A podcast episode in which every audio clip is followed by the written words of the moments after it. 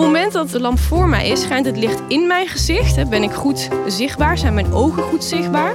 Kan ik ook veel beter oogcontact maken? En oogcontact is de belangrijkste voorwaarde voor het gevoel van goed contact. Dan ziet jouw brein het verschil tussen mijn pupil en mijn iris beter. En dan voelt het dus alsof wij meer in verbinding zijn en dat het meer 3D is. Welkom bij Duizend Stappen. In deze podcast ga ik, organisatiefuturoloog Arjen Bannach, een stuk lopen met iemand die ons iets kan leren over vitaliteit in organisaties. Vandaag lichaamstaal in tijden van thuiswerken. Hoe drukken we onszelf non-verbaal uit tijdens alle meetings die we dagelijks hebben? Body language expert Denise Deschamps helpt jou en je medewerkers handen en voeten geven aan communicatie tijdens videocalls. Denise, we zijn in, uh, in Elst. Ja. In, een, in een prachtig parkje en hier gaan wij duizend stappen uh, zetten. En jij bent uh, body language expert. Klopt. Kan je ons eerst even heel kort meenemen in wat een body language of een lichaamstaal expert wat hij Mhm. doet in het dagelijks leven? Nou, van origine ben ik eigenlijk psycholoog van beroep. Dus Mhm. het komt vanuit die kant. En eh, voor mij betekent het dat ik dagelijks eh, training geef of spreek op podia of op tv of radio over non-verbale communicatie. Dus iets breder dan lichaamstaal.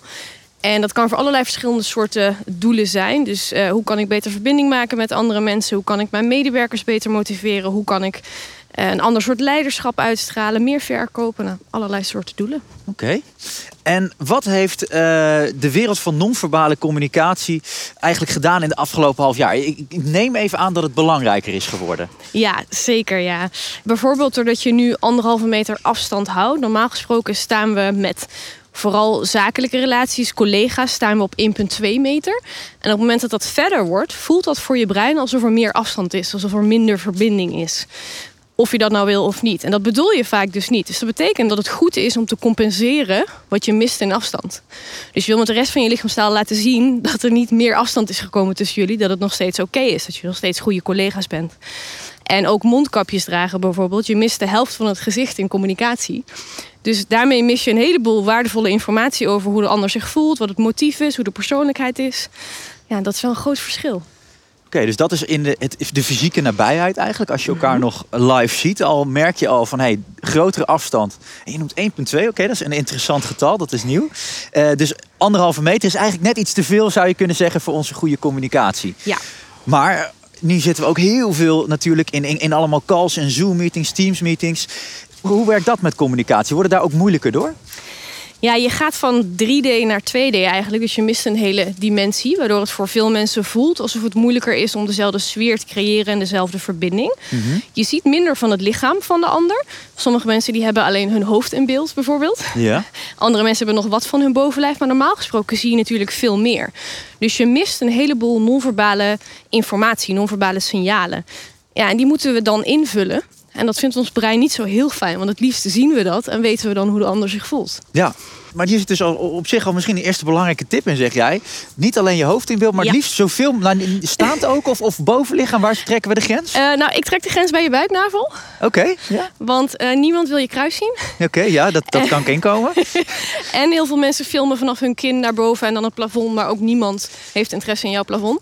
Dus Ja, dus zo'n zo'n camera een beetje zo van onder, dat je zo'n Ja. zo'n onderkin krijgt. Maar dat is ook niet de oplossing. nee, dat is niet de oplossing. En dat gebeurt als je hem op je bureau zet en je klapt gewoon het scherm wat naar achter. Ja, Ja, dat is praktisch. Maar het is goed om je laptop wat hoger te zetten, juist zodat de camera op ooghoogte is. En dan in beeld wil je eigenlijk tussen je navel en ja, het mag wat omhoog. En dan eh 2 centimeter boven je hoofd. Dus dan zien we hoe je je handen gebruikt. We zien wat van je bovenlijf, je schouders en je hele gezicht. Nou, dat is dan optimaal. Dat is eigenlijk wat je normaal ook zou zien als je tegenover elkaar zit aan een tafel koffie te drinken. ja. Hey, en als je dat dan doet, hè, je, je, je, we gaan het er zo nog even over hebben, hoe je dat misschien ook concreet handen en voeten kan geven, hoe je, of je daar ook afspraken over mag maken. Maar als je dat doet, je gaat dus die camera wat hoger zetten, je ziet elkaar wat meer. wat, wat levert dat dan op met elkaar als je dan zo een, een, een teamsvergadering bijvoorbeeld ingaat? Ja, het, het zal voelen alsof je meer een echt gesprek hebt. Want er komt dan meer verbinding doordat je meer non-verbale signalen van elkaar ziet. Vaak vinden mensen die virtuele gesprekken ongemakkelijker. Hè? Dus het is, Ja. ja. het is heel erg wennen. Dat krijg je dan minder, omdat het meer lijkt op een echt gesprek. En er zijn nog wel wat andere tips die daar ook voor zorgen. Maar je krijgt dan meer verbinding met elkaar. Het voelt weer meer als een team, minder alsof je thuis in je eigen bubbel zit. Wat we nu allemaal een beetje zitten. Mhm. Dus je kan daardoor het gevoel van collegialiteit of het teamgevoel kan je versterken. Oké, dus die non-verbale signalen, je vangt het wat meer op. Kan je dan Mhm. ook duiden welke signalen dat dan zoal zijn? Wat, wat je kan opvangen als je dat zo doet? Ja, bijvoorbeeld handgebruik. Als je eh, alleen je gezicht filmt, zie je je handen niet. Ja. Ehm, je handen geleiden heel erg de aandacht. Dus op het moment dat je ze niet ziet, is het sowieso moeilijker om je aandacht erbij te houden. Ja. Nou, dat is ook een belangrijk punt bij virtuele meetings vaak. Eh, waarom? Je handen illustreren eigenlijk je verhaal. Je mond doet vooral het auditieve deel, je handen doen vooral het visuele deel. Oké. Dat betekent dat er meer hersenactiviteit is bij de luisteraar als ze je handen ook zien. Ja. Want dan is het visuele deel in je brein ook actief. En dat vindt het brein heel prettig. Ja. Oké, en, en- jouw rol als inspirator zorg jij er dus ook altijd voor, denk ik, als jij nu voor de camera staat, dat jij ook jouw handen zichtbaar zijn in ieder Ja, geval. Altijd. Ja. Interessante vraag die ik dan wel zou hebben. Is, is het dan ook belangrijk om altijd de camera aan te doen? Ik kan me voorstellen dat het soms ook even lekker is dat je eh, die even uitzet. En misschien tussendoor, als, het, als je toch alleen maar even te gast moet zijn en horen wat er gebeurt, dat je de camera uitzet. Of moet je dat juist niet doen? Ja, het ligt een beetje aan je doel, aan wat je zelf wil. Kijk, in een normale meeting, als je erbij zou zijn, kan je jezelf ook niet even uitzetten en dat mensen jou niet meer zien. Dat is wel waar, ja. Dus de vraag is dan, hè, wi- wil je dat dan nu echt doen, ja of nee? Het voelt natuurlijk wel minder betrokken. Maar ja, ik kan me voorstellen dat het lekker is om soms een beetje uit te tunen of er even niet meer te zijn. Ja, Ja, ik zou vooral nadenken over wat is je doel? Wat wil je uitstralen? Welke verbinding wil je hebben? ja. Oké, dus dat is met elkaar goed bespreekbaar maken welk doel dient het. En op basis daarvan bepalen zetten we hem wel of niet aan. Ja. Ja, maar belangrijk als we die verbinding willen, dan eh, zou, raad jij aan, zet hem vooral wel aan. Ja, Ja. ik denk, het is vergelijk het maar met een echt gesprek. Mhm. Wat gebeurt er dan als eh, Pieter ineens wegloopt uit een meeting en eh, tien minuten later bijvoorbeeld weer terugkomt? Ja. Want dat doe je eigenlijk ook als je je camera even uitzet Ja, bijvoorbeeld. dat is, dat is natuurlijk waar, ja. Hey, en mag je daar ook met elkaar duidelijke afspraken over maken? En, en, en, en hoe doe je dat dan, als we het hebben over dat gebruik van dat non-verbale?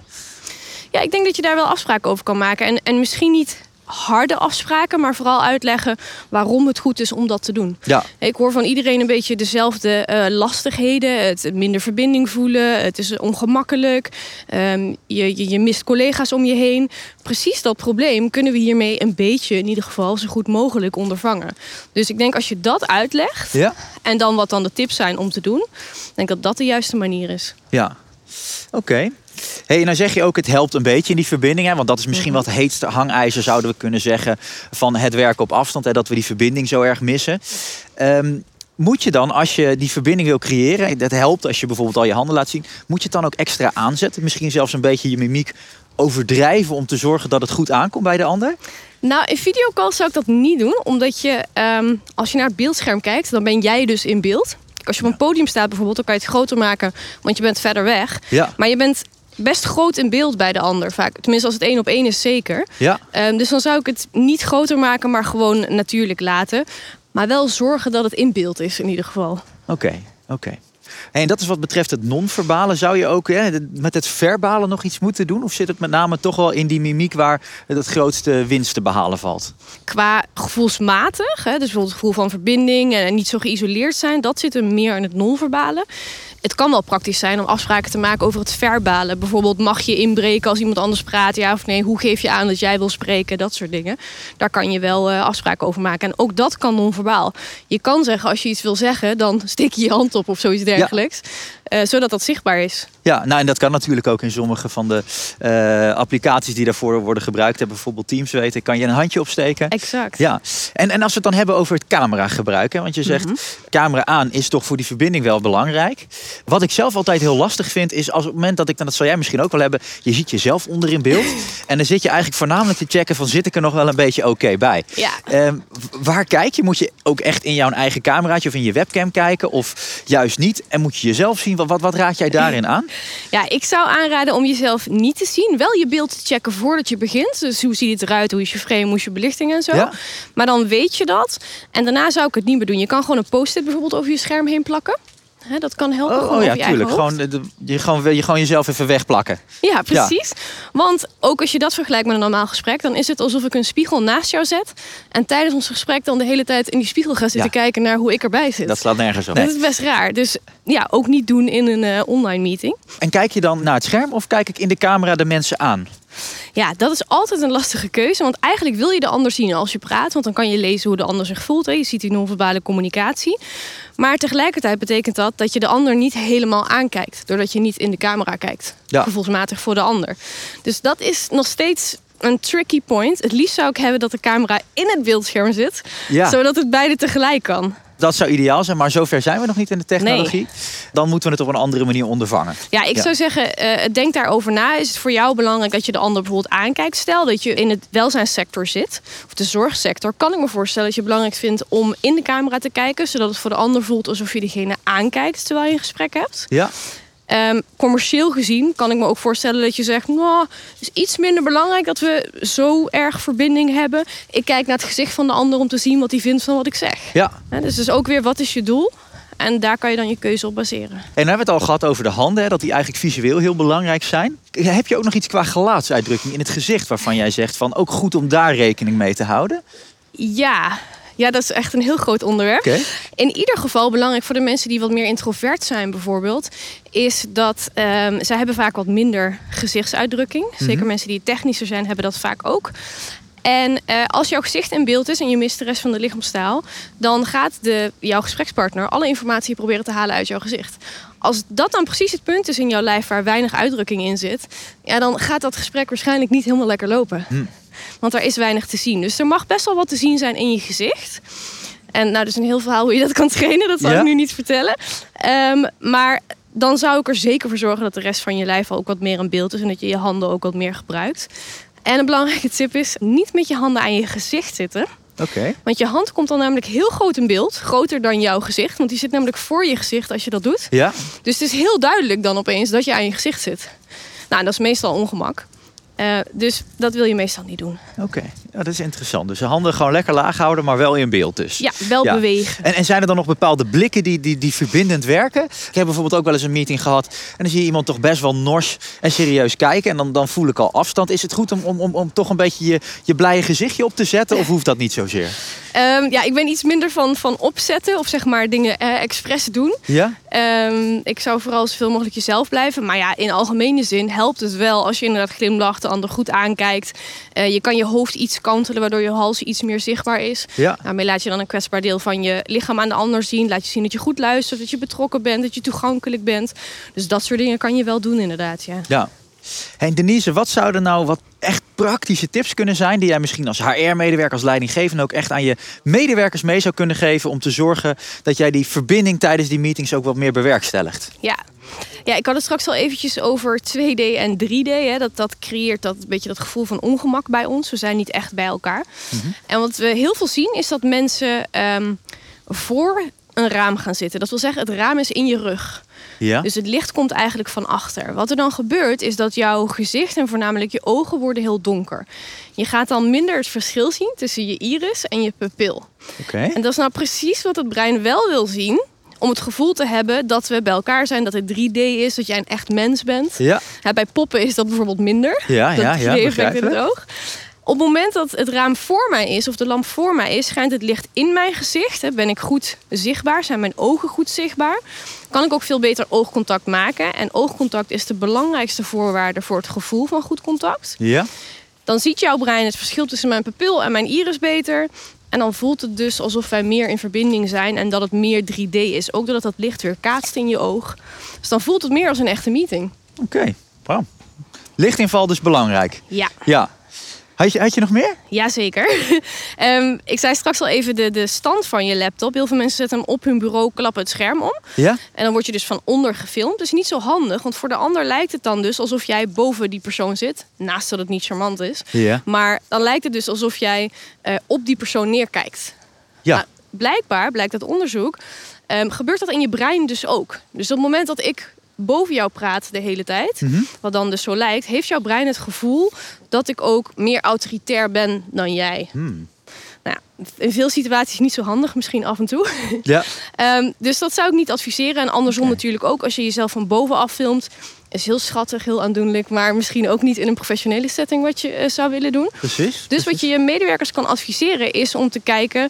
zet je laptop, laptop ergens op, op een standaard, op boeken, op een doos, wat je wil... als de camera maar ongeveer op ooghoogte is. Oké. Net zoals wanneer je tegenover elkaar aan de tafel zou zitten.